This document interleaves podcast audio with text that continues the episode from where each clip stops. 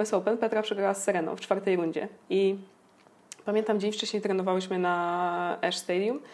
To był, no nie miałyśmy okazji chyba wcześniej grać, chociaż może przed turniejem raz zagrałyśmy, trenowałyśmy z Karoliną, ale e, trenowałyśmy tam i ja już widziałam w Petry oczach ten, to nie był strach, ale to było takie nie do końca pozytywne podekscytowanie. I po tym treningu jeszcze siedziałyśmy na korcie, po nas wchodziła Serena zresztą.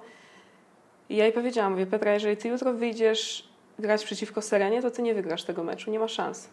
Ty musisz wyjść i, i po prostu wyjść i zagrać mecz. Tu nie ma innego wyjścia. Bo ja już widziałam, że ona myśli o tym, że ona będzie grać z Sereną Williams. Nie możesz wyjść przeciwko Serenie Williams myśląc, że będziesz grać z Sereną Williams i oczekiwać, że, że ten mecz wygrasz. Nie, będziesz chciał się pokazać z jak najlepszej strony, tak? Ale to tyle.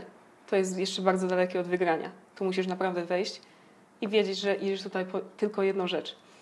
I Petra tak się na mnie spojrzała i mówi, ty, ty masz rację, ja myślę, że ja będę grać z Sereną. Ja mówię, ja wiem, bo ja to tak. widzę. Tak. A ona, ale ja nie wiem, jak mam myśleć inaczej. A ja mówię po prostu, tak jak zawsze myślisz, że jak wychodzisz grać z kimkolwiek innym. Właśnie nie z Sereną, tylko z kimkolwiek innym. I jasne, to nie było łatwe, ale wydaje mi się, że w jakiś sposób ona udało jej się to przekręcić w głowie i wyszła z takim nastawieniem i naprawdę nie była, tam było 6-4, 6-3, ale nie było daleko. Bo to wiadomo, to jest taki wynik, gdzie widać, no okej, okay, są jeszcze jakieś braki, okej, okay, nie jest super źle, ale też nie jest jakoś mega blisko, ale z drugiej strony tam było widać, że kilka punktów, które poszłyby w drugą stronę i mogłoby się obrócić 6-4-6 dla Pedry tak naprawdę.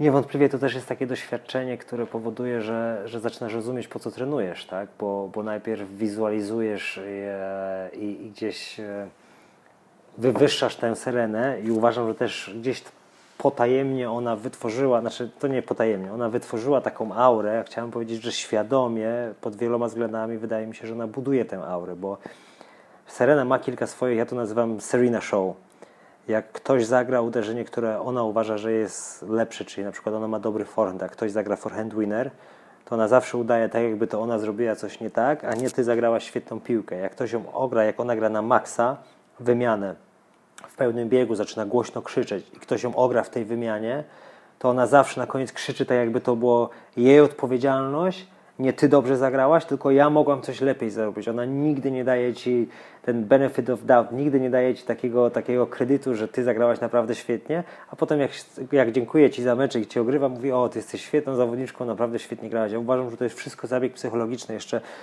no, pomijając sam fakt, że, że jest silną kobietą, mm, sportsmenki zazwyczaj, no nie widzisz takich sportsmenek, tak zbudowanych, więc to jest trochę takie obezwładniające właśnie. I tak jak mówisz, ja też coachowałem przeciwko Serenie. Koko grała z Sereną i to było turniej, kiedy w Miami w 2013 roku Koko miała, w 2014 roku Koko miała przełomowy sezon.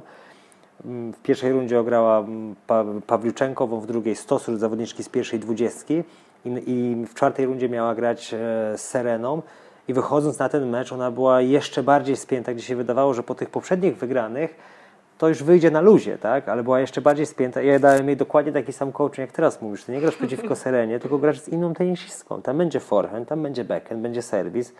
Okej, okay, serwis będzie leciał trochę mocniej, ale w związku z tym też rozgrzewkę mieliśmy z dobrym hitting partnerem, który naprawdę potrafił mocno serwować. Ale też na to wszystko pamiętaj w tym przypadku, jeżeli chodzi o coaching do Koko, to będzie pojedynek już uznanego serwisu, jednego z najlepszych na świecie, z serwisem, który aspiruje do tego, żeby być jednym z najlepszych na świecie. Cokolwiek ona zrobi, ty spróbuj to zdublować, spróbuj to zrobić lepiej, spróbuj to zrobić na podobnym poziomie. I to, co było niesamowite, Koko przegrała ten mecz 6-3, 6-2 bodajże. W moim odczuciu też ten wynik nie był aż tak gładki, jak mogłoby się wydawać. Natomiast to jej dało niesamowite paliwo do tego, że grałam z taką zawodniczką, Zagrałam kilka niesamowitych gemów i teraz jest pytanie, skoro mogłam 5 gemów zagrać na takim poziomie, czy mogę następnym razem zagrać 7? Czy mogę następnym razem urwać seta? Co takiego ta Serena robi, że, rzeczywiście jest lepsza? I tak naprawdę to, co powiedziałem na samym początku a propos tych młodszych zawodniczek, e, tych zawodniczek, z którymi teraz współpracuję, jak doświadczysz tego, to zaczynasz rozumieć, po co trenujesz i w jakim kierunku iść. Dokładnie, bo też po tym meczu, jak rozmawiałam z Petrą, się pytałam, no to jak, jak było, bo jeszcze dzień wcześniej ja z nią grałam. Jak ja, jej, jak ja serwowałam, no to myślałam, że mi po prostu ja sobie urwę rękę, bo próbowałam tam serwować jak najszybciej mogę, ale to tak czy tak daleko do Sereny. I Petra, Petra tak stanęła i mówi, wiesz co, yy, no tak naprawdę to wcale nie było tak szybko, jak sobie wyobrażałam. Hmm. Ona mówi, tak naprawdę to w wymianie ona nie grała tak szybko. Ona przyspieszała tylko wtedy, jak chciała zagrać winera. A wszystkie inne piłki były naprawdę do odegrania. A ja mówię, no widzisz, kobieto, wcale nie jest tak strasznie, jak ty sobie wyobrażasz. Czasami jest tak, że możesz zrobić godzinę coachingu. Mm, teraz e, ja też lubię mówić, że mamy YouTube, e, mamy wszystkie aplikacje WTA. Nie ma takiej możliwości, żeby wchodzić na kor i twoja zawodniczka nie wiedziała, czego się spodziewać po przeciwniczce. W sensie, no zawsze możesz podglądać jakiś wcześniejszy mecz, pokazać zawodnikowi, czy te zawodniczki między sobą grają cały czas i, i rozumieją. Natomiast często jest tak, że dopiero jak wejdziesz na kort i doświadczysz tej piłki, to to dopiero jest dla ciebie, dla ciebie największa nauka. I zarówno w tym pozytywnym stopniu, jak i w negatywnym. Tak jak Petra powiedziała, że było dla niej za wolno, a wszyscy mówią, że Serena gra tak szybko. Ja się absolutnie z tym zgadzam. Nie zawsze gra szybko, ona gra szybko jak potrzebuje. Znaczy, jeżeli od pierwszego gema jesteś w stanie ją włożyć, wciągnąć na wysokie obroty i grać z nią cios za cios, no to, to Serena może mieć problemy. Z drugiej strony ona takich meczów cios na cios na, wyższy, na najwyższych obrotach już w swojej karierze zagrała bardzo dużo i ma duże doświadczenie, jak takie mecze rozstrzygać. Dokładnie. E, ale w takim razie, jeżeli te młodsze zawodniczki, one nie mają dostępu do takich tenisistek, do takiego tenisa, żeby, żeby tego doświadczyć, żeby to porównać, żeby zobaczyć, że okej, okay, może to nie jest aż tak nieosiągalne. Jak im to przekazać, że te rzeczy naprawdę są w zasięgu ręki? Wiesz co, dwa narzędzia trenerskie, które ja przyjąłem, to jest e, oglądanie dużej ilości tenisa, bo jak oglądasz, to kształtujesz pewne wyobrażenie. E, druga sprawa, nagrywanie własnych meczów, bo jak obejrzysz własny mecz, porównasz, e, porównasz to po pierwsze masz tak naprawdę taką trochę szokującą skalę, bo tu widzisz serwis, który wchodzi, backend, który wchodzi. Analizowaliśmy sobie z dziewczynami mecz Halep z Muguruzą, półfinał Australian Open e, i też e, dziewczyny miały rozpisać, zresztą mam te kartki, ilość wymian, ilość piłek zagranych w każdej wymianie. E, I wyszło, że najczęściej powtarzaną wymianą to jest jedna piłka, tak? był albo serwis, albo return, średnia dla zawodnika, jedna piłka. I to też otwiera trochę oczy. Później też jak, jak na to dasz efekt kontrastu i pokażesz mecz z poziomu futuresa, gdzie widzisz, że tam jest serwis i forehand wywalony w aut i sobie zadajesz pytanie, jak mogłaś ten forehand wyrzucić, no to aż kuje w oczy. To wtedy trenersko, tak jak powiedziałaś wcześniej, ja nie muszę nic mówić, bo to kuje w oczy. Ja miałem takie doświadczenie, czy, czy z Martyną, czy z Weroniką, że one po tym, jak obejrzały swoje mecze, ja tylko zwróciłem uwagę, że na przykład nadużywasz forehand po linii, bo chcesz za szybko zagrać winera, lepiej jest zagrać po krosie. Następnego dnia już w meczu wyglądało to zupełnie inaczej. Statystyka była odwrócona tych ilości forehandów zagranych po krosie po linii, więc to jest bardzo ważne narzędzie. Drugie narzędzie, które ja przyjąłem, to jest e, i które jest dostępne, to jest obecność w drużynie Fed Cupowej. To są dwa lub trzy tygodnie w roku, gdzie masz dostęp do Magdy Linet, do Igi Świątek, do Magdy Fręch, Alicji Rosolskiej i to są głosy, które zmieniają. W tym roku e, Dawid Celt powołał do, do reprezentacji jako hitting partnerkę Martynę i Martyna wróciła i powiedziała po pierwsze, to jest był najlepszy tydzień tenisowy w moim życiu, po drugie, dziewczyny nie marnowały czasu. Ja w porównaniu z nimi jeszcze marnuję czas. Mimo, iż ciężko pracuję, to, to wiem, że mogę zrobić o wiele więcej. I, i to też jest akurat e, zmiana, bo, bo, bo Martyna też przechodzi akurat taki okres z juniorskiego tenisa, gdzie wcześniej, jak ja widziałem, jak ona pracowała ze swoim poprzednim trenerem, bo mamy bardzo dobry kontakt, ja zawsze próbowałem pomagać Martynie. E, trener i tata, to ja zawsze mówię, że w tym teamie na trzecim miejscu, jeżeli chodzi o motywację, jest Martyna, bo na pierwszym miejscu chciał tato, zaangażowany, próbujący dać wszelkie warunki możliwe, żeby Martyna mogła się rozwijać. Na drugim miejscu był Bogdan, który, młody trener, który miał świetne pomysły, jak rozwijać Martynę. A na trzecim miejscu była Martyna, która przychodziła pięć po drugiej na, na trening i się zastanawiała, po co my to dzisiaj robimy. Teraz to się powoli zmienia i, i Martyna zaczyna włączać coś takiego, co się nazywa um, autotrenera. Zaczyna włączać autotrenera i stawać się lepszą zawodniczką, bo sama chce być lepszą zawodniczką. Czyli tak ważne jest to ym, rozwijanie samoświadomości u zawodników, prawda? Bo oni wtedy tak naprawdę się najwięcej nauczą, bo oni wtedy widzą siebie. E, to nie jest już to, co myślą, jacy są, tylko naprawdę widzą siebie przez, no, wydaje mi się, obiektywnie, bardziej obiektywnie i w tym momencie e, no każdy ma wybór, każdy może zdecydować, w którą stronę chce iść. I tutaj możemy uderzyć e, w punkt pod tytułem, dlaczego nasz tenis jest na przykład inny od tenisa czeskiego czy niemieckiego. Powodów jest bardzo dużo, ale jednym z powodów jest środowisko. 10 lat temu, sama wiesz najlepiej, jak trenowałaś, no to w polskim środowisku ciężko było znaleźć autorytet trenerski, ciężko było znaleźć zawodników. Akurat ty jesteś z rocznika 9.2, czyli rocznik Magdy, Linet, Pauli, Kani. Najlepszy. Tam jeszcze, najlepszy, tak. I dookoła jeszcze były siostry Radwańskie, była Kasia Peter, więc jak gdyby to pokolenie wy siebie ciągnęłyście nawzajem, na pewno był ten element rywalizacji, ale nie wszystkie roczniki to miały. I, I niestety, bo to też a propos ostatniego programu, po którym się skomunikowaliśmy i, i, i pytania, czy ja umiem grać w tenisa, czy nie umiem grać w tenisa, ale prawda jest taka, że większość trenerów, którzy są trenerami w Polsce, to są osoby, które w najlepszym przypadku zdobyła kilka punktów ATP lub WTA. ATP są głównie mężczyźni. Czyli tak naprawdę nie masz tego doświadczenia z challengerów, a w ogóle nie masz doświadczenia z turniejów Wielkiego Szlema. Czyli tak naprawdę nie wiesz do końca, co coachujesz. Mało jest osób, które miało karierę na poziomie 700 zawodnika ATP, a potem rzeczywiście z głodem weszło w coaching, chce się rozwijać. E, u nas, i ponownie to powiem, nienawidzę tego zdania, ale u nas ktoś, kto był 500, automatycznie jest olbrzymim autorytetem i to powoduje, że staje się bardzo często leniwy nie rozwija swojego warsztatu, bo on jest 500, on jest najważniejszy w mieście, on jest najważniejszy w swoim klubie, wszyscy do niego przychodzą i mówią, wow, ty wygrałeś Futuresa, w związku z tym ty jesteś autorytetem i to powoduje tak naprawdę ograniczenie naszego poziomu sportowego. Mhm. Teraz powoli sytuacja się zmienia, bo teraz już mamy zawodników, trenerów, mamy zawodników, którzy kończą kariery, mamy Klaudię Jans, która skończyła karierę i z Klaudią jest dostęp do Klaudii, była trenerem Fed Cupa, coachuje na co dzień w Warszawie, już przekazuje zupełnie inny poziom wiedzy.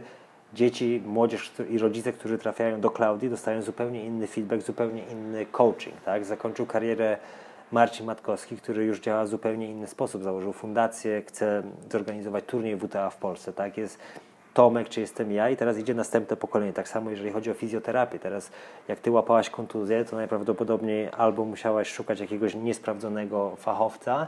I było ciężko wtedy jeszcze. Albo lecieć za granicę i słuchać, co tam się dzieje. Tak? A teraz już mamy tych fachowców. Jest Krzysiu Gozowski, e, jest Olek Szczciński, jest coraz więcej tych osób też z różnych innych dyscyplin, także ten poziom sportowy poszedł do góry, a będzie jeszcze lepiej, bo, bo jeszcze chwilę pograł Łukasz Kubot, e, jak zakończy karierę, to encyklopedia wiedzy tenisowej, tak? E, no i mamy Michała też przysiężnego. Jest też Michał, który też zaczyna działać i, i, i, to są osoby, które jak siadasz i rozmawiasz o tenisie, no, każdy ma inny charakter, tak? Bo możesz powiedzieć, nie wiem, czy Michał Przysiężny, czy Jerzy Janowicz, czy te osoby byłyby dobrymi coachami. To nie są osoby, które będą kształtowały dzieci od piątego roku życia, tylko to są osoby, które mogą Ci powiedzieć, co się czuje, kiedy w wielkim szlemie podrzucasz piłkę przy breakpoincie i co masz wtedy zrobić. I to jest jak gdyby największa magia mm, takich osób i to nasze środowisko pod tym względem się bardzo zmienia. Dokładnie, to doświadczenie, yy, możliwość tego, że zawodnicy będą mieli właśnie to, żeby to doświadczenie może im zostać przekazane, to też wydaje mi się będzie mieć ogromny wpływ na,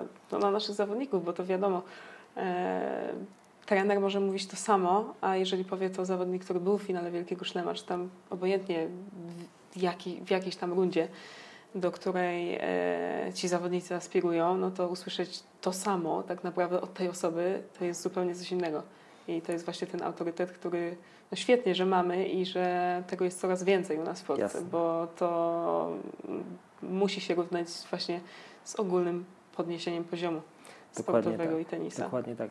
Bo to też jak gdyby ma drugą stronę. Nawet jeżeli dorasta młody trener, który wykonuje bardzo dobrą pracę, i pracuje w inny sposób, wprowadza inne ćwiczenie, e, ma zupełnie inną metodykę, to nagle na 10 innych kortach stoją ci, że tak powiem, starzy wyjadacze, którzy kiedyś byli 500 albo 700 na świecie i oni mówią, ha, co on takiego robi, gdzie on był i co on potrafi, a on tak naprawdę robi o wiele lepszą pracę niż ta pozostała dziewiątka i to bardzo często powoduje, że się zabija jego entuzjazm w tym momencie, dlatego też takie też wzajemne wspieranie siebie, ale ten wspólny głos, im więcej jest osób, które mówią dobrym sportowym językiem, E, są nastawione na właśnie open mindset i growth mindset, e, które rozumieją, że porażki są częścią pracy i rozwoju, które rozumieją, że zawodnik ma prawo mieć kryzysy, ale jak te kryzysy przechodzić, no to uważam, że, że to będzie bardzo duża różnica jakościowa w naszym środowisku. Czy myślisz, że w Polsce, porównując do No turu, bo nie możemy porównywać chyba do żadnego innego kraju, bo nie wiemy, ale wiemy jak jest na turze.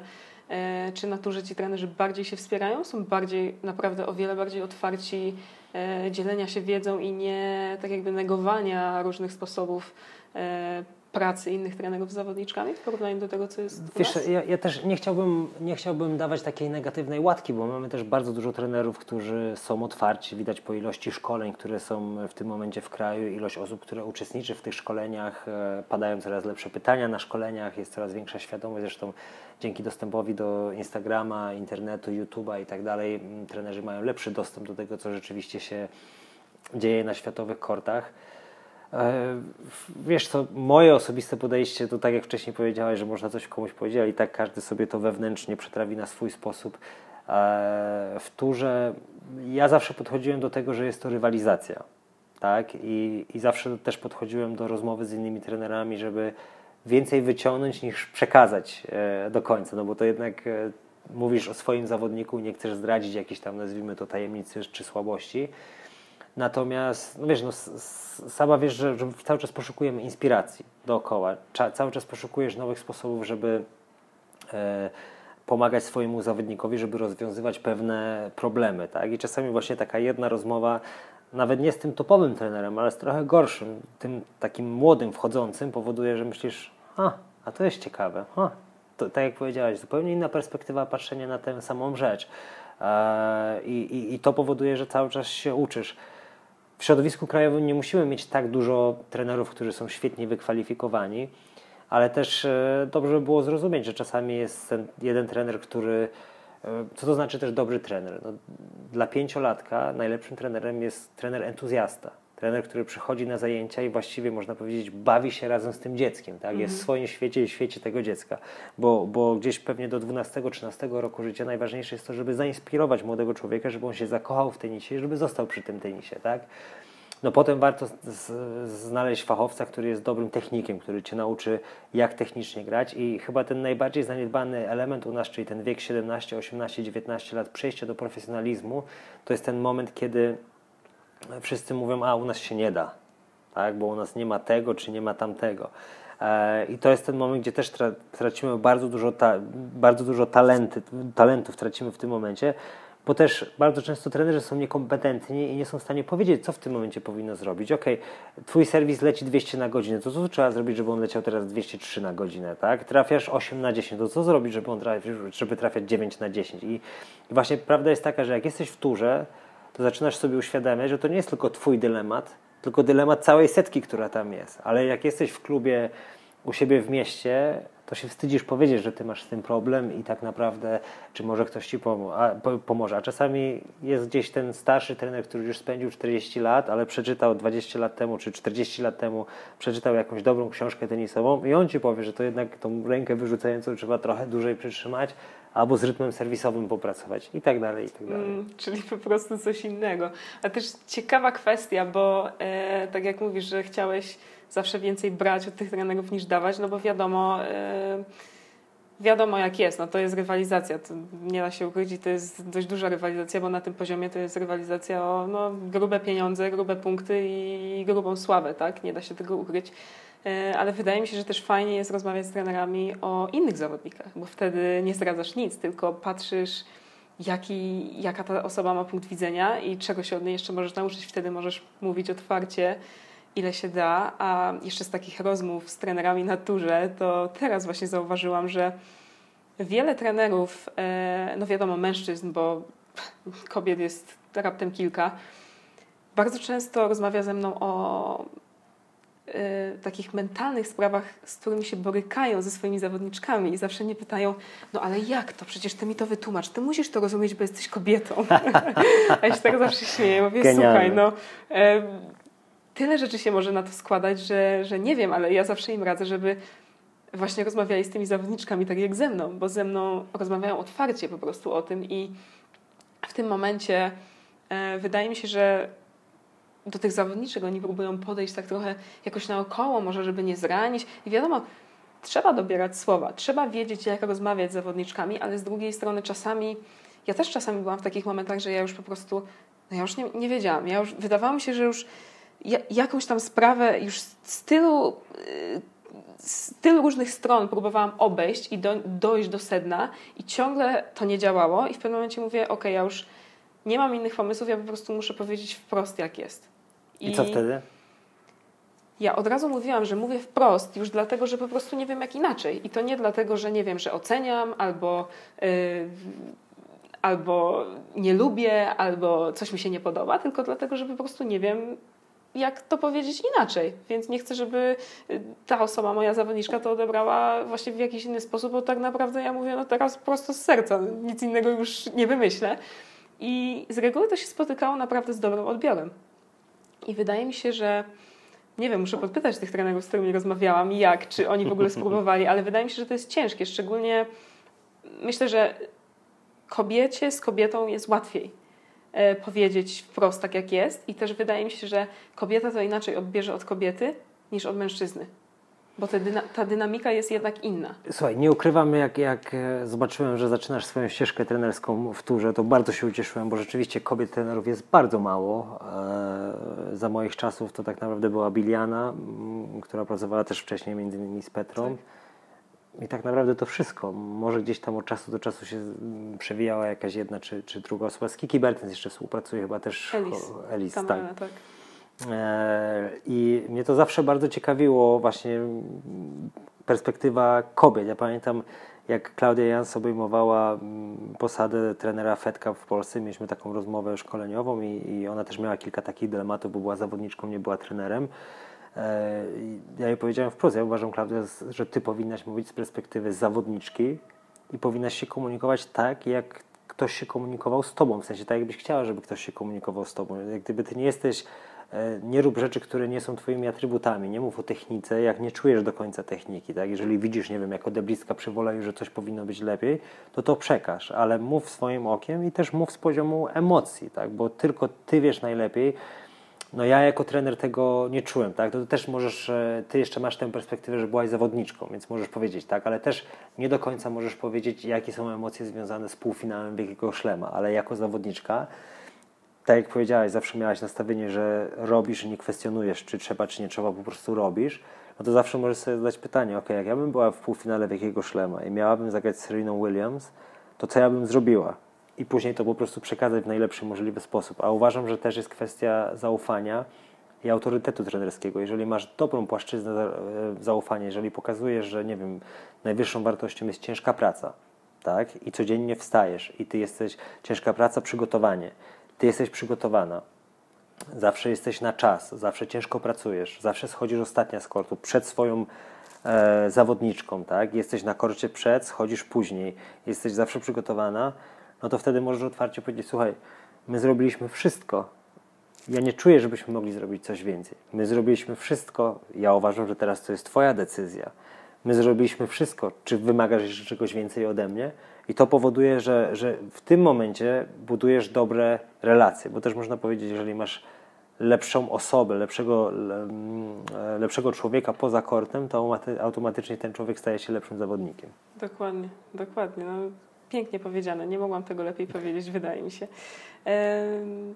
Porozmawiajmy jeszcze o takiej kwestii, bo jestem naprawdę ciekawa, jak Twoja filozofia trenerska jaka była na samym początku, jak zaczynałeś? Już możemy powiedzieć tutaj 2012 rok, jak już miałeś tak. trochę takiego doświadczenia e, trenerskiego, wchodziłeś, zaczynałeś pracę z Ulą, wchodziłeś na tour i jak ona się zmieniała przez te wszystkie lata i przez te wszystkie zawodniczki, z którymi miałeś do, do okazji współpracować? Wiesz co, miałem niesamowitą... E nie wiem, czy powiedzieć szczęście, bo też nie lubię podporządkowywać pewne rzeczy pod szczęście, bo, bo wiesz, ty chcesz zostać teraz trenerem i chcesz wygrać wielkiego szlema. Jak wygrasz tego wielkiego szlema, to chyba nie powiesz, że to było szczęście, tylko siedzisz tutaj otwarcie, mówisz, że chcesz to zrobić i wykonasz przez następne lata działania w tym kierunku.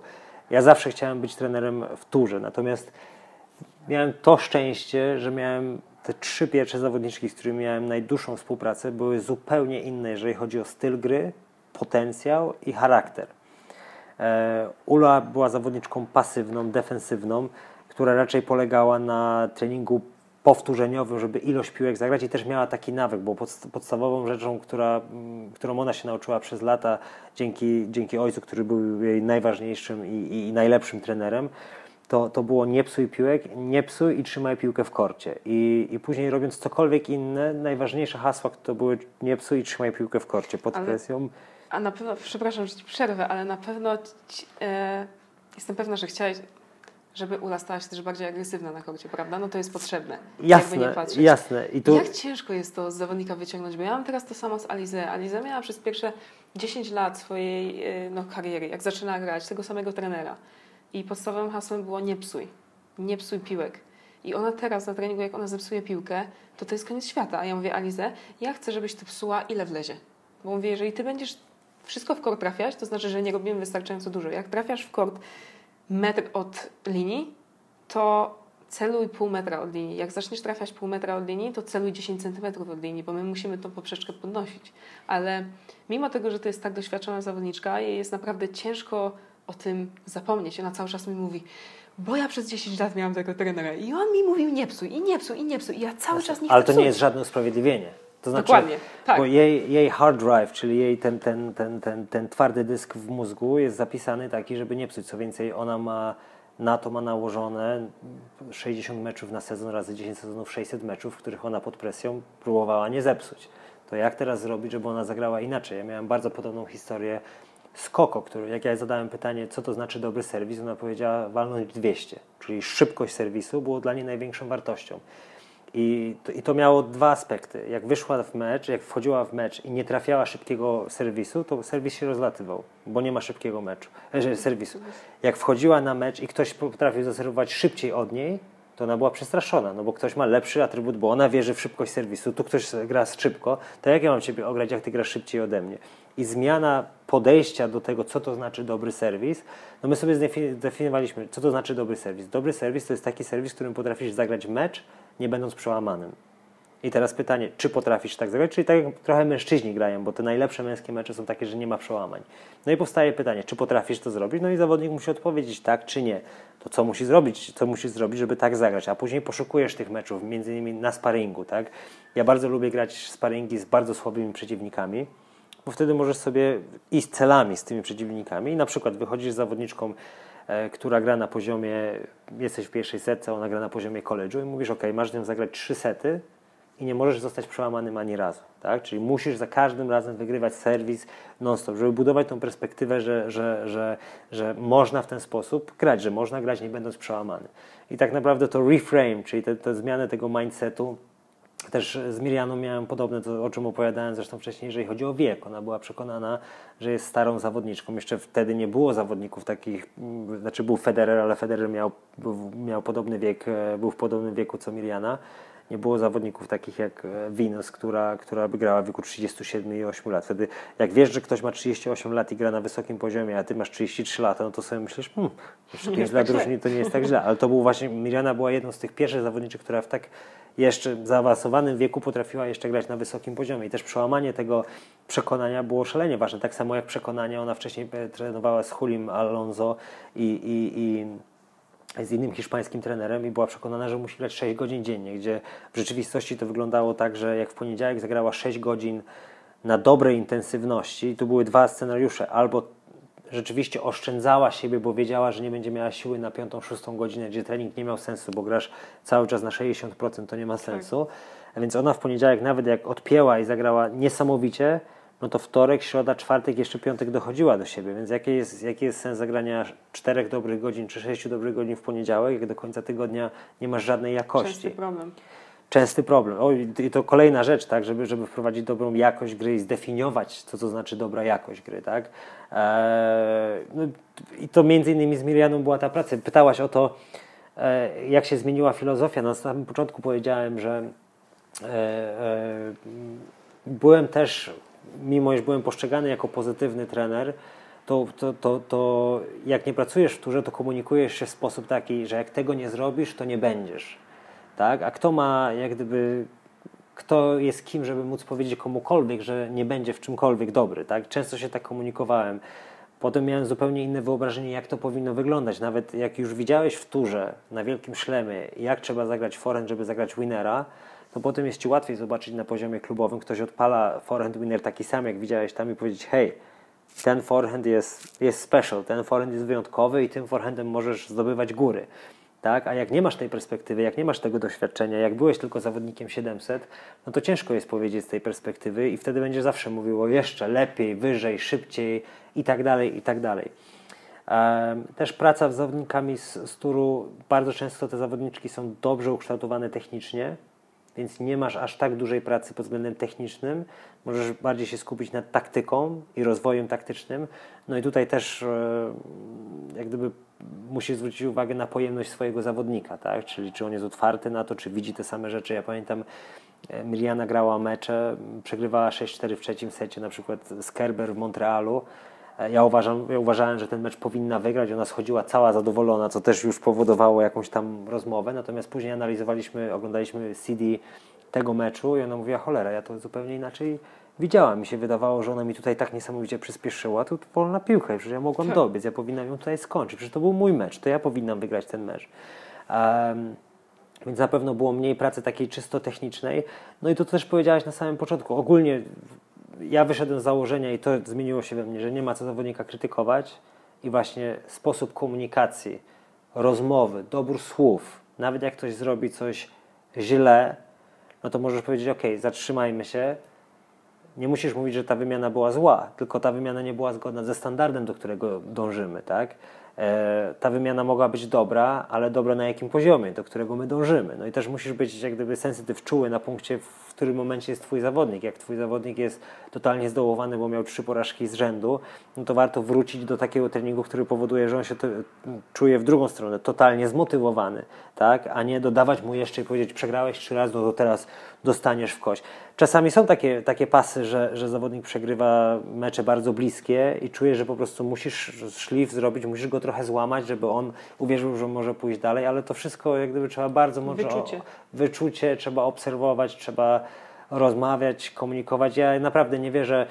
To też niesamowite a propos coachowania grupy teraz. Mam trzy zupełnie różne zawodniczki, które wymagają trzech różnych sposobów komunikowania się. E, I do niektórych muszę być bardziej bezpośredni, do niektórych e, zawodniczek mogę wymagać, mogę bardziej inspirować i zachęcać do takiego rozwojowego myślenia, a niektórym zawodniczkom muszę dać dwie opcje i powiedzieć, ok, wybierz jedną z dwóch, która będzie lepsza dla Ciebie. No ale to na tym polega coaching, to dla tak. tych chwil my wstajemy z łóżka rano. Dokładnie. E, jak Powiedziałeś o tym, że no na pewnym poziomie, wiadomo, można pracować bardziej trochę nad taktyką niż nad techniką. Jeżeli byś tak, wiadomo, to jest znowu kwestia indywidualna, ale jak patrzymy tak generalnie, zawodniczki z pierwszej setki, czyli tego rankingu, gdzie wszyscy marzą, że to jest pierwszy krok, do którego chcą się dostać, a zawodniczki załóżmy no, poza setki tam 150 do 250-300.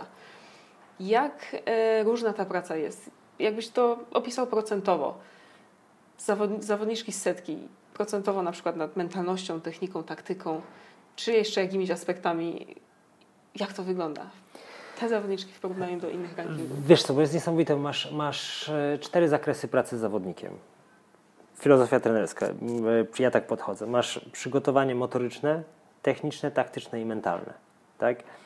Um, można powiedzieć, że każdy z tych zakresów powinien zajmować 25% Twojego czasu. Tak? E, no ale skąd się bierze to, że, że zawodnicy mówią, że na poziomie pierwszej dziesiątki, dwudziestki, a ci słabsi mówią, że na poziomie setki tylko głowa decyduje.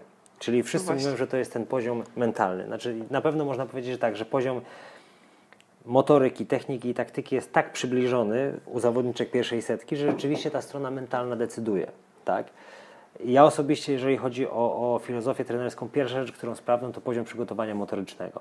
Bo uważam, że nie można przegrywać meczów ze względu na brak przygotowania motorycznego. Nie wyobrażam sobie, że, żeby zawodnik przegrał 7-5 w trzecim secie, bo nie jest przygotowany. Tak? No to jest motoryka, to jest pierwszy i podstawowy mm, poziom przygotowania, na który ty i tylko ty masz wpływ, bo nie potrzebujesz nikogo. Mm, ok, można powiedzieć, że potrzebujesz mądrego trenera, który jest w stanie z ciebie wyciągnąć te 3 czy tam 5% na poziomie komórkowym, no ale załóż, zakładamy, że jak jesteś 150 na świecie, to masz dostęp do takiego trenera, więc motoryka to jest pierwsza, najważniejsza rzecz. Ale, i to jest też ważne, żeby zrozumieć, przygotowanie motoryczne to jest też pierwszy poziom budowania pewności siebie czyli strony mentalnej, bo jeżeli ty wychodzisz na test gwiazdy i biegasz go w 15 sekund, zrobimy 5 tygodni okresu przygotowawczego, 6 tygodni okresu przygotowawczego i nagle biegasz 14,5 sekundy, to czujesz się lepsza? No tak, czuję się lepsza, tak? I to, I to jest pewność siebie. Jeżeli chodzi o technikę, no to zawodniczki z pierwszej setki raczej nie mają większych słabości technicznych. Jeżeli mają jakieś uderzenia, które są słabsze techniczne, technicznie, to zazwyczaj kompensują, nadrabiają innymi uderzeniami. Czyli nie wiem, e, ze starszego pokolenia była Sara Erani, która serwowała z tego łokcia i taką wrzutkę, ale Sara Erani była numer jeden, jeżeli chodzi o procent trafionego pierwszego serwisu w WTA, bo trafiała i to jest najwyższy wskaźnik, który kiedykolwiek widziałem, 91% serwisów trafiała pierwszych, czyli 9 na 10 serwisów, do których ona stawała, do których ty też stawałeś do returnu, musiałaś jej odegrać, czyli to powodowało olbrzymią presję, a jak ręka ci się trzęsie, to nie jest łatwo trafić ten, ten, ten return tak. z powrotem. Więc ona I w ten sposób... że zaatakować, bo ten serwis nie był wielki. Tak jest. Więc była okazja. A są zawodniczki, które nie chcą atakować na przykład. Tak. I jeszcze są strefy kortu, z których nie chcą atakować. Jeżeli chodzi o przygotowanie techniczne, są zawodniczki, które na przykład nie grają, czy z tego poprzedniego pokolenia, które nie grały top spinu, tak? czyli była Vinci, e, słabszy backend miała, Flipkens, Ribarikowa grały tylko slice'em, kompensowały brak topspina slice'em, więc musiałeś być przygotowany na to, żeby slice'ować, ale to nie jest tak jak na poziomie 700, że wychodzisz, mówisz słabszy backhand, gram dzisiaj do backhandu, tak? Jak gdyby przez to, że ta tak. technika jest na bardzo wyrównanym poziomie, automatycznie ewoluuje cała taktyka, tak? Bo na poziomie 700 przychodzisz i mówisz słaby drugi serwis, atakuj drugi serwis, pilnuj jedynki, trochę forehandu, słabszy backhand, to w ważnych momentach graj na backhand i masz cały ten. Tutaj jednak bardziej musisz wyszukiwać momentów, w których coś zastosować, dostosowywać się do taktyki, która dzieje się na korcie. No i bardzo często jest tak, to co powiedziałeś wcześniej, Petra wychodzi z Sereną, no masz pewien game plan, masz pewien, pewną taktykę, ale dopóki nie poczujesz tej piłki, no to ciężko jest też, na pewno było Petrze, zrealizować tę taktykę. Jakby miała zejść z kortu, z tym samym doświadczeniem, porozmawiać z tą godzinę, przez godzinę obejrzeć ten mecz i wyjść drugi raz, to założy się, że zagrała było wiele lepiej, tak? bo no wiedziałaby, tak, że te piłki wolniejsze były do zaatakowania, że zresztą Petra miała gierkę na to, żeby też nawet big hiterki spychać do obrony i sama przejmować inicjatywę. Zresztą no, Petra w ogóle miała nie defensywny, ale destruktywny tenis, tak? bo tak mieszała serwisem i, i potrafiła też slice'a zagrać. E, jej, jej, piłka była taka heavy, więc robiła tak. krzywdę. Tak. I to wszystko tak naprawdę razem wzięte dopiero tak, jak jesteś, wiesz, że jesteś bardzo dobrze przygotowany motorycznie, jak wiesz, że technicznie masz zrobiony szlif, ale nie odstajesz technicznie, jak wiesz, że taktycznie cały czas się rozwijasz, no to to automatycznie buduje olbrzymią bazę do pewności siebie i tej strony mentalnej. Jak nie masz dobrego przygotowania motorycznego, to nie mówmy o pewności siebie. Jak masz dziury techniczne, no to możesz godzinami spędzać czas z psychologiem, regulując emocje, robiąc ćwiczenia oddechowe, robiąc wizualizacje, zapisując na kartce cele, ale jak nie umiesz zagrać backendu, to ci to nic nie pomoże, tak? Więc jak gdyby krok po kroku, i to jest moja filozofia trenerska, ja od tego podchodzę jak gdyby zawsze. Motoryka to jest najważniejsza rzecz. Jeżeli nie wstałeś się nie porozciągałeś, jeżeli wieczorem idąc spać czegoś nie zrobiłeś, jeżeli boli cię pośladek, bo nie wiem, nadwyrężyłeś w jakiś sposób, pod warunkiem, że to nie jest biomechanicznie, no to jak gdyby nie mówmy o tym, że chcesz być wyczynowym zawodnikiem. To jest Twoja podstawowa e, sprawa i twoje, Twój podstawowy zakres przygotowania, o który Ty musisz zadbać, tak? Technika u młodszych zawodników, słabszych zawodników to też jest kwestia trenera i, i podejścia do techniki i nauczenia, ale też nauczając techniki, spędzajmy technikę czy taktykę, spędzajmy 70% czasu yy, nad brońmi nad tym, co powoduje, że ty wygrywasz, bo później mechanizm jest prosty, tak jak powiedziałaś. U Alizy mechanizm jest prosty, nie psuj bo 10 lat słyszała nie psuj. A teraz jakby Alize przez 10 lat słyszała śmiało graj jedynkę i podpieraj to forehandem, a backhand jest bardzo dobry i prowadź, jak wchodzisz z kimś w wymianę z backhandu, to nie schodź z wymiany. Jak gdyby prowadź do końca, aż ty rozwiążesz akcję, to by była zupełnie inną zawodniczką, tak? Znaczy ciężko powiedzieć, bo to mogło pójść w dwie strony, tak? Akurat Alize akurat potrafi być bardzo dobrą defensorką w niektórych momentach i zgadzam się z Tobą, że, że jej do tego, żeby przejść na następny poziom musiałaby albo stać się niesamowita wydolnościowo i być w stanie, powiedzmy z poziomu, gdzie ona gra 8 piłek na wysokich obrotach, nagle zagrać 9-10 i pytanie, czy jest w stanie to zrobić motorycznie. Eee, niektórzy zawodnicy wychodzą, nie wiem, z takiego, znaczy u niektórych zawodników nagle jest taki skok, ale często jest na przykład to związane z dopingiem, tak, że masz zawodnika, który gra bardzo fajnie, fajnym tempem 6 piłek, a następny sezon wychodzi i nagle nie psuje w ogóle, tak, czyli widzisz, że coś tam jest nie tak. E, więc u Alize albo byłaby w stanie motorycznie grać na takim poziomie, że będzie w stanie zajechać Woźniacką, Halep, wszystkie inne pozostałe zawodniczki, które grają pasywnie, ale też będzie w stanie tym pasywnym stylem zajechać Serenę, czy, czy, czy w tym przypadku Kenin, Osakę, czy te młode, które wchodzą. E, albo iść w drugą stronę, tak? Rozwijasz część, no to już jak gdyby to już jest w tym przypadku dylemat trenera, czyli tak naprawdę twój dylemat. Tak. E, fajna, super filozofia, bardzo konkretna. Także słuchajcie wszyscy, bo jak dla mnie jest pięknie, jest, to nie, nie, nie, że pięknie, jest bardzo prosto wytłumaczona i jest naprawdę krok po kroku w którą stronę trzeba iść, w jakim kierunku i też jakimi krokami. I to jest, to jest naprawdę super. I to też a propos komunikacji, bo, bo to już na przestrzeni naszej rozmowy padało kilkukrotnie. Uważam, że jeżeli chodzi o tenis kobiecy, ale może też nie do końca kobiecy, ale ogólnie sport wyczynowy, to prostota w komunikacji. Mm, słyszałem, jeżeli chodzi o taktykę, takie, takie pojęcie simple patterns to perfection, czyli proste schematy opanowane do perfekcji. Ja pamiętam, jak byłem młodszy, i to też e, różnica trenerska, jak oglądałem tenis w telewizji, to mi się wydawało, że oni grają no, nieziemski poziom, że to, to jest poziom, który w Żarowie na pewno nie zobaczył u siebie w rodzinnym mieście. Natomiast prawda jest taka, że ci najlepsi to grają proste schematy opanowane do perfekcji. Oni potrafią ten pierwszy serwis zaserwować w kropkę i potrafią to zrobić w każdym momencie, przekierować piłkę w drugą stronę. Tak? W męskim tenisie statystycznie kombinacja serwis plus forehand zajmuje 70% punktów. Więc nie musisz tak naprawdę tak dużo backhandu trenować, tylko opanuj serwis plus forehand, trenuj to. I teraz, jeżeli znasz taką statystykę i teraz pojedziemy, kluby są zamknięte, ale za miesiąc pojedziemy do którychkolwiek e, z warszawskich klubów, to ilu 17, 18, 19 latków do perfekcji z odpowiednią jakością i intensywnością trenuje ten schemat. No to jest podstawowy schemat. Inną rzecz, którą też słyszałem, to jeżeli dzisiaj oglądasz zawodniczki z czołówki i kształtujesz swojego zawodnika 15-letniego czy tam 12-letniego na wzór tych zawodników, to będziesz 10 lat do tyłu, bo za 10 lat tenis będzie w zupełnie innym miejscu, więc musisz sobie zadać pytanie, co on może zrobić lepiej od tych pozostałych zawodników. I, i, i wiesz, to, to, to, jak gdyby prostota myślenia, myślę, że to jest szalenie ważne, a później prostota komunikacji. Ja pamiętam e, Mirjana Luczyć kiedyś rozgrywała się przed jakimś ważnym meczem, to było w Quebecu, bodajże ćwierćfinał i podrzucała piłkę podczas rozgrzewki przed meczem. Podrzucała i kilka siatek, zagrała kilka autów i w końcu tak pod wpływem emocji odwraca się do mnie i mówi, czemu ty mi nic nie mówisz? Ja totalnie zostawiłem tę sytuację i ona, spakowaliśmy torby, schodzimy i ona mówi, czemu ty mi nic nie mówisz? Ja mówię, Miriana, nie mówię ci, no bo ty grasz 20 lat w tenisa, jak piłka ci wylatuje na auto, to już wiesz, co ty masz zrobić. Ty nie potrzebujesz mnie do tego, żeby ci powiedzieć, czy ta piłka wyleci dlaczego leci w aut, czy leci dobra. To jest Twoje rozwiązanie, ale to też było mój sposób komunikowania się, że Ty masz wszystkie odpowiedzi.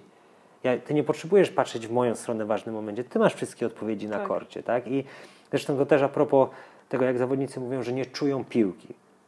To kontrargument jest taki, no przecież grasz 4 godziny dziennie, odbijasz, można obliczyć ileś tam tysięcy piłek, trafiasz w te, w te strefy, kropki, pachołki, to jak nagle możesz nie czuć piłki? Bo założę się, jak statystycznie mielibyśmy wyprowadzić statystykę, kiedy zawodnik mówi, że nie czuje piłki, to zazwyczaj się to staje w o wiele większym stopniu, zdarza się to w meczach pod presją. Kiedy jest ważny mecz, to wtedy zaczyna się panika, rozglądanie lewo i prawo. Dlatego też wtedy szalenie ważna jest prosta komunikacja, nawet czasami narzucenie, na przykład, nie wiem, możesz przegrać ten mecz tylko w jeden sposób. Jeżeli przeciwnik twój przeciwnik zagra ci 10 razy do backhandu, to teraz nie, nie dopuść go do tego, żeby zagrał ci 10 razy do backhandu, żeby było proste, celowe myślenie, żeby rzeczywiście, tak jak powiedział Piotrek Woźniacki, patrz na patrz piłkę. Na piłkę. Tak, dokładnie. E, I to jest chyba też temat przewodni dzisiejszy, prostota tego, jak bardzo często e, myślimy, że żeby dojść na jakiś poziom, to trzeba wow, nie wiadomo co, że jest jakiś złoty środek, coś musi istnieć, coś, czego ja nie mam. A prawda jest taka, że to jest wszystko to samo. Ciężka praca, co wydaje mi się też jest. E, ja nie lubię tego pojęcia ciężka praca, bo to się kojarzy z taką charówą. Mhm. A moim zdaniem charówa nic nie daje, jeżeli ona nie jest mądra. Jasne. Praca musi być Jasne. efektywna.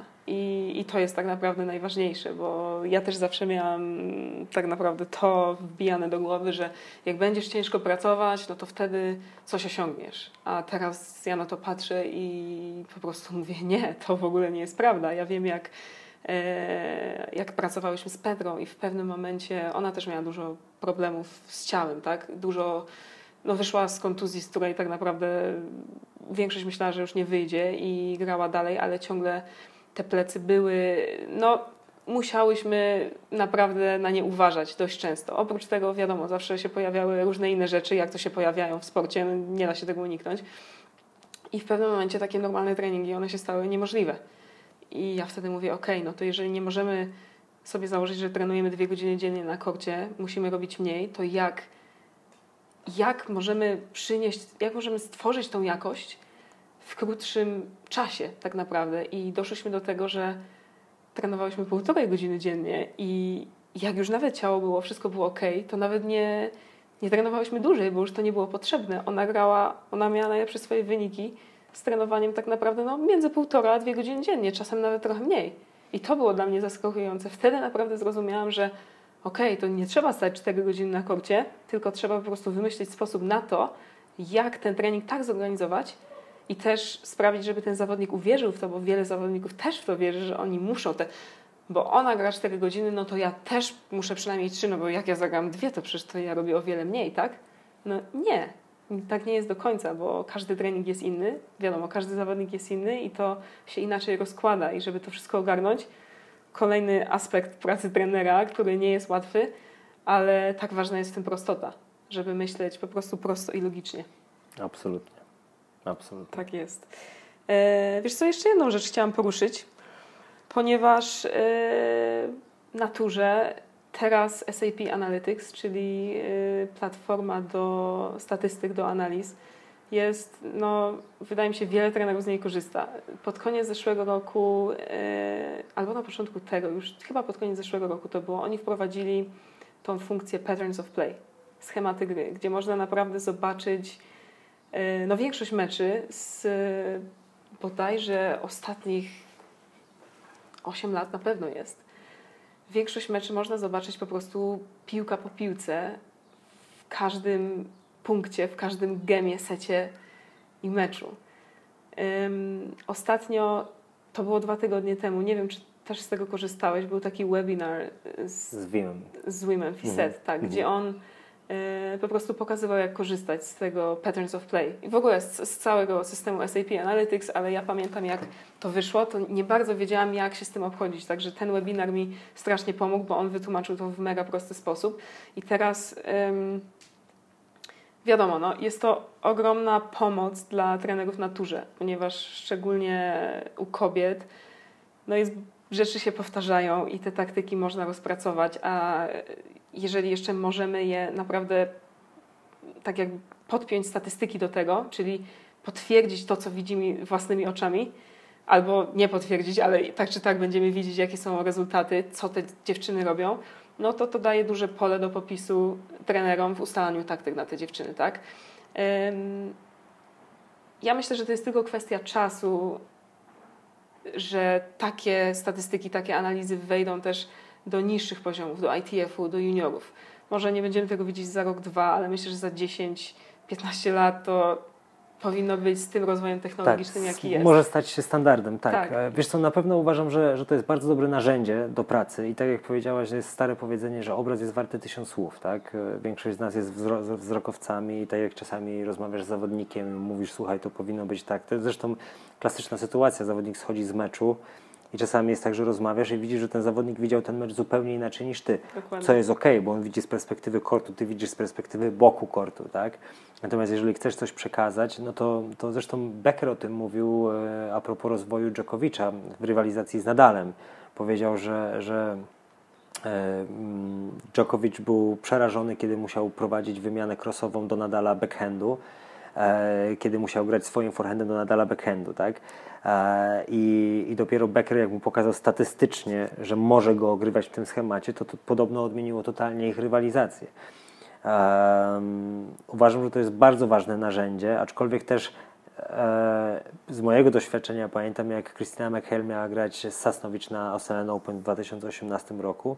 I USTA okazuje się, że też prowadzi własną bazę danych. Mm, tak, to chyba wszystkie federacje te największe. Teraz one tak, mają... tak, już pomijając, że Amerykanie wykorzystują najlepszego statystyka Francuzów i na zmiany tam naprawdę jest Bo taka ja giełda. wiem, że Australia to już ma od, o, już od grubych paru lat i to już A to nie oni, wiedziałem, mają tak. nawet e, wszystkie mecze ITF-owskie, jakie są O, na wow. poziomie O, wow, to nie 25, tam tak. W każdym razie ja wiedziałem o Sosnowicz, że ma słabszy drugi serwis i słabszy forehand i dostałem przed meczem, trzy dni przed meczem, 15 stron analiz, z których wynikało, że ma słabszy drugi serwis i słabszy forehand. Natomiast fajne było to, że też e, ta statystyka była podzielona na tak zwany crunch time, czyli co się dzieje od stanu po 4, czy schematy się zmieniają. I to było ciekawe, żeby zobaczyć, że tam rzeczywiście pojedyncze uderzenia, czy pojedyncze momenty, kiedy wybierała zamiast serwis na zewnątrz, serwis do środka, to rzeczywiście się zmieniało. Natomiast też też nie możemy popełnić błędu, tak jak wcześniej mówiłem, jak są te wszystkie poradniki, jak to zrobić, żeby być kimś tam i bierzemy mistrza i go rozbijamy na czynniki proste. Nigdy nie wiemy, co ten mistrz w trakcie myślał, jak się czuł jak to przechodził różne sytuacje. Tutaj tak samo nie możesz czasami, jak zobaczysz czystą statystykę, to ta sama statystyka nawet dwóch zawodniczek nie powtórzy się następnego dnia, tak? bo, bo tenis jest sportem tak różnorodnym. Nie wiem, czy znasz um, statystyki, ile punktów procentowo wygrywa zawodnik, który jest numer jeden na świecie na koniec sezonu, czyli wszystkie punkty to są 100%. Ile punktów musisz wygrać, żeby być numer jeden na świecie? 54 to było, tak? 54, dokładnie. Więc 4% i, i to jak gdyby pokazuje drugą stronę. To powoduje, że żeby zostać numer jeden na świecie, musisz wygrać 54 punkty, procent punktów. To znaczy, że też przegrywasz 46% i musisz sobie z tym poradzić. I właśnie chyba ta różnica, jak sobie oni radzą z, tą, z, tą, z tym 46%, to powoduje, że jest ta różnica właśnie, tak? A później jest dalsza statystyka, że nadal wygrywając 10 czy, czy ile wygrał French Open, e, ponosząc tylko dwie porażki w ciągu 12 lat, wygrywał 50 5%, chyba 1% więcej, że to tak, była i tak wiesz, co minimalna jeszcze różnica. w tej statystyce było, że yy, bo największa różnica Nadala na ziemi pomiędzy innymi nawierzchniami była różnica w wygrywaniu gemów returnowych. I największa różnica w tym było w trafianiu returnów, czyli tyle, ile returnów po prostu wróciło na drugą stronę. I ja w zeszłym roku, jak ja e, dorwałam się do tych statystyk Nadala, bo ja uwielbiam go po prostu za wszystko, za jego grę, za jego styl, za jego waleczność, za to, że jest takim normalnym człowiekiem i pokazuje, że naprawdę można być taką ikoną, będąc po prostu człowiekiem. Bo jak patrzymy na Rogera, no to wiadomo, on też jest tylko człowiekiem, ale to jest coś więcej. To taki, on takie sprawia wrażenie i tak zawsze będzie. Nadala ja widzę jak takiego po prostu, że tak brzydko powiem, robola, który wychodzi i robi tą brudną robotę i Tak. wiadomo, Roger robi to samo, tak? To nic Tak. mu nie, umu, nie ujmuje, tylko po prostu ten wizerunek jest inny. I ja go za to uwielbiam. I jak ja się do- dorwałam do tej statystyki, zobaczyłam, że największą różnicą są te returny, które on trafia. E, Przed, jak zaczęliśmy się przygotowywać do sezonu ziemnego w Europie, już pograłyśmy w Charleston w zeszłym roku, pierwszy turniej na ziemi, gdzie Petra doszła do półfinału, potem wróciliśmy do Europy, był e, Istanbul, Madryt, Rzymu nie grałyśmy i French Open. I to, była, to był naprawdę mój wykładnik. Mówię, dobra, zobaczymy, zróbmy to, spróbujmy zrobić. Ja mówię, Petra, na ziemi teraz nie ryzykujemy z returnem. Retur, pierwszy serwis zawsze wraca, zawsze. Mówię, nie, nie próbujesz go, nie wiem, trafić nie wiadomo gdzie, tylko po prostu big target, middle, czyli w środek, głęboka piłka i ten, ser, ten return twój zawsze wraca. Drugi serwis ryzykujemy tylko wtedy, jak masz dwa punkty przewagi.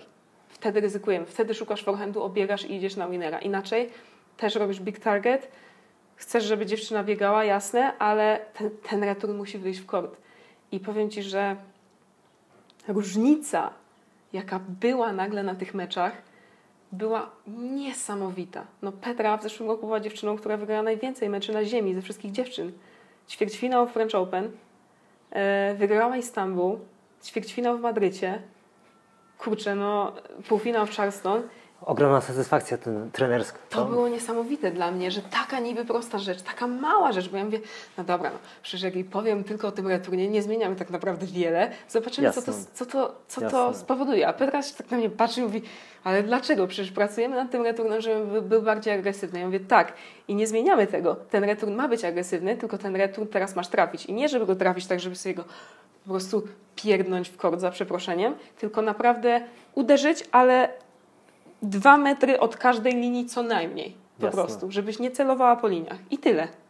I, i mówię, nie, nie, nie myśl o tym za dużo, bo ja nie chcę, żeby teraz to, to zrobiło kogiel mogiel w twojej głowie, tylko po prostu, czy jesteś w stanie to zrobić? A ona, no jestem. Mówię, dobra, no to to robimy. I tyle.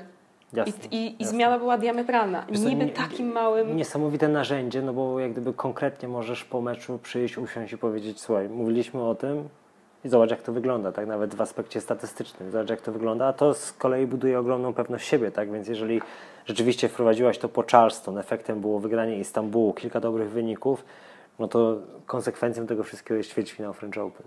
Tak, dokładnie. Ale chciałam Cię zapytać o te statystyki, o nich zaczęłam w ogóle, bo chciałam zapytać, e, jeżeli one wejdą na te niższe poziomy, także na juniorów, na, na młodszych zawodników załóżmy, jaki to może mieć wpływ na tenis, Twoim zdaniem? Czy, czy poziom się poprawi, czy coś się zmieni? Bo teraz wiadomo, patrząc na te mecze, no patrzymy, trenerzy patrzą swoim okiem, tak? E, nie zawsze, myślę, że nie tylko na tym poziomie, na naturze też popełniamy błędy, też czasem, ja też czasem coś widzę, wydaje mi się, że widzę, a potem sprawdzam statystykę i tak patrzę i mówię, kurczę, coś tu się nie zgadza, tak? Ale wtedy to jest świetne, bo to jest e, platforma do nauki i do swojego własnego rozwoju jako trener, więc możesz więcej przekazać. Tylko jak to, jak to ten tenis może zmienić? Czy ten tenis będzie lepszy? Wiesz co, na pewno będzie to kolejne narzędzie. Tak, tak samo jak, nie wiem, 20 lat temu mm, wszyscy grali, nikt nie robił przygotowania motorycznego. Nagle przyszła cała fala mm, trenerów motorycznych do tego stopnia, że teraz mamy zawodników tych najlepszych, którzy grają godzinę dziennie, a 4 godziny dbają o swoje ciało. Tak, tak jak zresztą kiedyś rozmawialiśmy, że, że Petra miała problemy fizyczne, to co mówiłaś wcześniej. Znaleźliście w Krakowie swojego osteopatę, tak, i, i to wiele zmieniło. Tak, zupełnie zmienia się jak gdyby podejście że to nie trzeba tak dużo trenować. Uważam, że będziemy mieli dzięki temu mądrzejszych zawodników, zawodników bardziej nastawionych na, na statystykę, na to, żeby oglądać i, i, i wzrokowo mieć potwierdzenie tego, co się dzieje. To będzie kolejne narzędzie. Po prostu będzie lepsze, lepsze pokolenie e, zawodników pod względem taktycznym i mentalnym. I chyba też trenerów, co też jest mega ważne. Czyli Niewątpliwie, bo, bo te statystyki, o których mówiliśmy, że, że zawodnik numer jeden na świecie wygrywa 53 czy 4% punktów, które zagrywa i tak dalej, ta kombinacja serwis plus forehand, te wszystkie staty, statystyki, jak ja je zobaczyłem po raz pierwszy, to sobie powiedziałem, kurczę, to ja oglądałem przez 20 lat inną grę zupełnie, tak, no bo to nie jest to, co widzisz gołym okiem, a z Dokładnie. kolei jak to przeczytasz, to jest takie coś, co nie jesteś w stanie un, unsee później, tak. Tak. tylko widzisz cały czas, że rzeczywiście oni serwują serwis i forehand, ale też dzięki temu widzisz, które piłki wypadają poza schemat. I te piłki, które wypadają poza schemat, zazwyczaj są tymi piłkami, które totalnie zmieniają e, przebieg meczu. Ja pamiętam, jak, e, jak się nazywa, nazywał statystyk, który wprowadził te wszystkie statystyki. Craig O'Shaughnessy? Craig- O'Shaughnessy opowiadał, jak e, Djokovic grał ze Zverevem w finał Mastersa. Spotkali się w grupie, w fazie grupowej i on, według niego kluczem Djokovicza do ogrania Zverewa było to, że mm, ogrywał go w wymianach powyżej 9 piłek. E, I tych wymian było na przestrzeni całego meczu tam 12 czy 15 i Djokovic wygrał 70% tych wymian. Natomiast i to było w fazie grupowej. I trzy, trzy dni później spotykają się w finale i mówi, że jedna z pierwszych trzech wymian w meczu wchodzą w taką wymianę 22 piłek i Zverev ją kończy na pełnym bezdechu, kończy winnerem z backhandu. I to mówi, że zobaczył Djokovicza, chwilę zwątpienia i na koniec jedyna statystyka w, i, i przegrał ten mecz. Jedyna statystyka pomiędzy tymi dwoma pojedynkami, która się różniła, to właśnie te, te wymiany powyżej 9 piłek, w tym przypadku na korzyść Zverewa. Wow, nie, ale te statystyki są naprawdę, no, są mega ciekawe dla mnie. I też yy, kolejnym aspektem jest to, że oprócz trenerów, teraz mamy też statystyków, trenerów statystyków, Tak. tak? Tak, jak Tak. jest Craig O'Shaughnessy, jest, jest jeszcze parę innych firm, które nie są jeszcze tak znane, ale one już działają. I my zresztą z Petrą w zeszłym roku podczas US Open też korzystałyśmy z usług takiej jednej firmy. E, Ja już byłam w kontakcie z, z tą firmą wcześniej i rozmawialiśmy o tym. Wiadomo, to jest kolejna inwestycja, ale mówię, Petra, wiesz co, jeżeli ty się na to zgodzisz, to ja bym chętnie tego spróbowała, bo ja nie wiem, jak to działa. To jest tak nowe po prostu Jasne. jeszcze dla nas, że nie wiem, ale fajnie by było się dowiedzieć, bo wtedy będziemy wiedzieć naprawdę, czy to jest coś dla nas, czy to nam może pomóc. I powiem Ci, że e, te raporty, tak jak Ty mówisz, jak Ty dostałeś kiedyś po prostu ten raport 15 stron, ja tak samo dost- dostałam te raporty to mi było wow, w ogóle jak to ogarnąć, tak? Było tam tyle, e, tyle różnych informacji i też jako trener musisz zdecydować, jak dużo przekażesz zawodnikowi i w jaki sposób. Dokładnie. Bo to jest też pytanie, szczególnie na szlemie, gdzie nie możesz wejść na kort, tak? Gdzie nie możesz wejść i coś powiedzieć, tylko musisz przekazać wszystko od samego początku. I dla mnie tam w tych statystykach, które widziałam przynajmniej z tego, co oni mi dawali, nie było wielkich zaskoczeń, ale było to dla mnie potwierdzenie takie, aha, ja to widzę w taki sam sposób, jak wyglądają po prostu te numerki, tak? Jak to wygląda z tej strony matematycznej, statystycznej. Także dla mnie to było potwierdzenie i to był taka też taka, okej, okay, no to mam kopa, daję jej coś, co jest naprawdę Jasne. tym, co Jasne. jest. Już tutaj nie ma żadnych, żadnych niedopowiedzeń. I też wydaje mi się w Petrze to kreowało takie yy, też taką większą pewność, że aha, okej, okay, czyli to jest to, to samo. Czasami pokazywałam jedną czy dwie tabelki, no bo łatwiej to pokazać wizualnie, ale nie więcej, bo wtedy po prostu był za duży kogiel-mogiel znowu. Jasne. Yy... Ponownie, obraz jest warty tysiąc słów. Tak. I wiesz, i to jest, to jest takie powiedzenie, które pewnie w dzieciństwie słyszeliśmy mnóstwo razy, ale rzeczywiście jak ktoś Ci pokaże przed twarzą, że, że nie wiem, forehand leci tu, a serwis tu i że każde po 30 to jest taki taki schemat, no to jak to zobaczysz na kartce papieru czy na iPadzie przed sobą, przed oczami, no to zupełnie inne ścieżki neuronalne powoduje, rozbudza w Twoim mózgu, zapamiętuje obraz, tak. dokładnie, tak. niż jak ktoś by Ci mówił 10 razy spokojnie. Dokładnie. No nic Maciek, dwie godziny. Minęło tak. Minęło tak. Minęło tak. Dziękuję Ci no. bardzo. To ja, e, ja bardzo dziękuję. Znaczy ja ze swojej strony o, powiem Ci, że, że od samego początku, jak zaczęłaś coachować, jest, byłem bardzo dużym fanem. My gdzieś tam się minęliśmy kilka razy, ale tak naprawdę nie komunikowaliśmy się za bardzo w turze. Dopiero chyba pod koniec zeszłego roku tutaj w Warszawie się tak. spotkaliśmy. Tak. Ale trzymam kciuki. E, podchodzę tak z takim uśmiechem, bo, bo bo uważam, że jesteś na początku swojej ścieżki trenerskiej, no ale masz bardzo otwarty mindset do tego, co robisz. Masz świetną platformę, sukces z Petrą, co, co na pewno zbudowało Twoją pewność siebie i to jest bardzo ważne. Jesteś kobietą trenerem i uważam, że, że ja się bardzo cieszę, że będę mógł podnieść telefon i powiedzieć: Hej Sandra, słuchaj, mam taki problem, podpowiedz mi tutaj z jakiej strony na to patrzeć i że tak, będziemy kolejny. mogli rozmawiać. Kolejny, ale wiesz, samo to, bo mówiliśmy o tym, że w środowisku my jesteśmy odpowiedzialni za to, żeby budować atmosferę w środowisku, tak? Może Ciebie na co dzień nie ma w Polsce, ale dążysz do tego też, żeby mieć kontakt. E, no teraz mamy dwie godziny rozmowy na temat tenisa, rozmowy stymulującej, gdzie obydwoje się rozwijamy, tak? Za chwilę możemy mieć z trzecią lub czwartą osobą, tak? W turze jest też Piotr Sierzpudowski, kolejny trener, tak? I, I, myślę, że w jakimś tam stopniu może będą pojawiali się następni. E, dbajmy o to, jak gdyby nośmy w sobie odpowiedzialność, że to lepsze środowisko i jakość tej pracy na co dzień jest też naszą odpowiedzialnością e, tak. i rozwijajmy się wspólnie do przodu. Dziękuję Ci bardzo i też się cieszę, że będę tu częściej i będziemy współpracować razem. Tak jest. Super, dziękuję bardzo. Dzięki.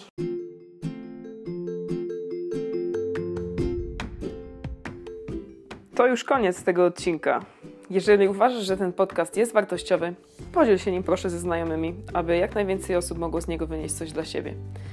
Zachęcam Cię również do subskrybowania tego podcastu oraz odwiedzenia moich profili na YouTubie, Instagramie i Facebooku, co pozwoli Ci być na bieżąco z kolejnymi odcinkami. Dziękuję za słuchanie i do usłyszenia.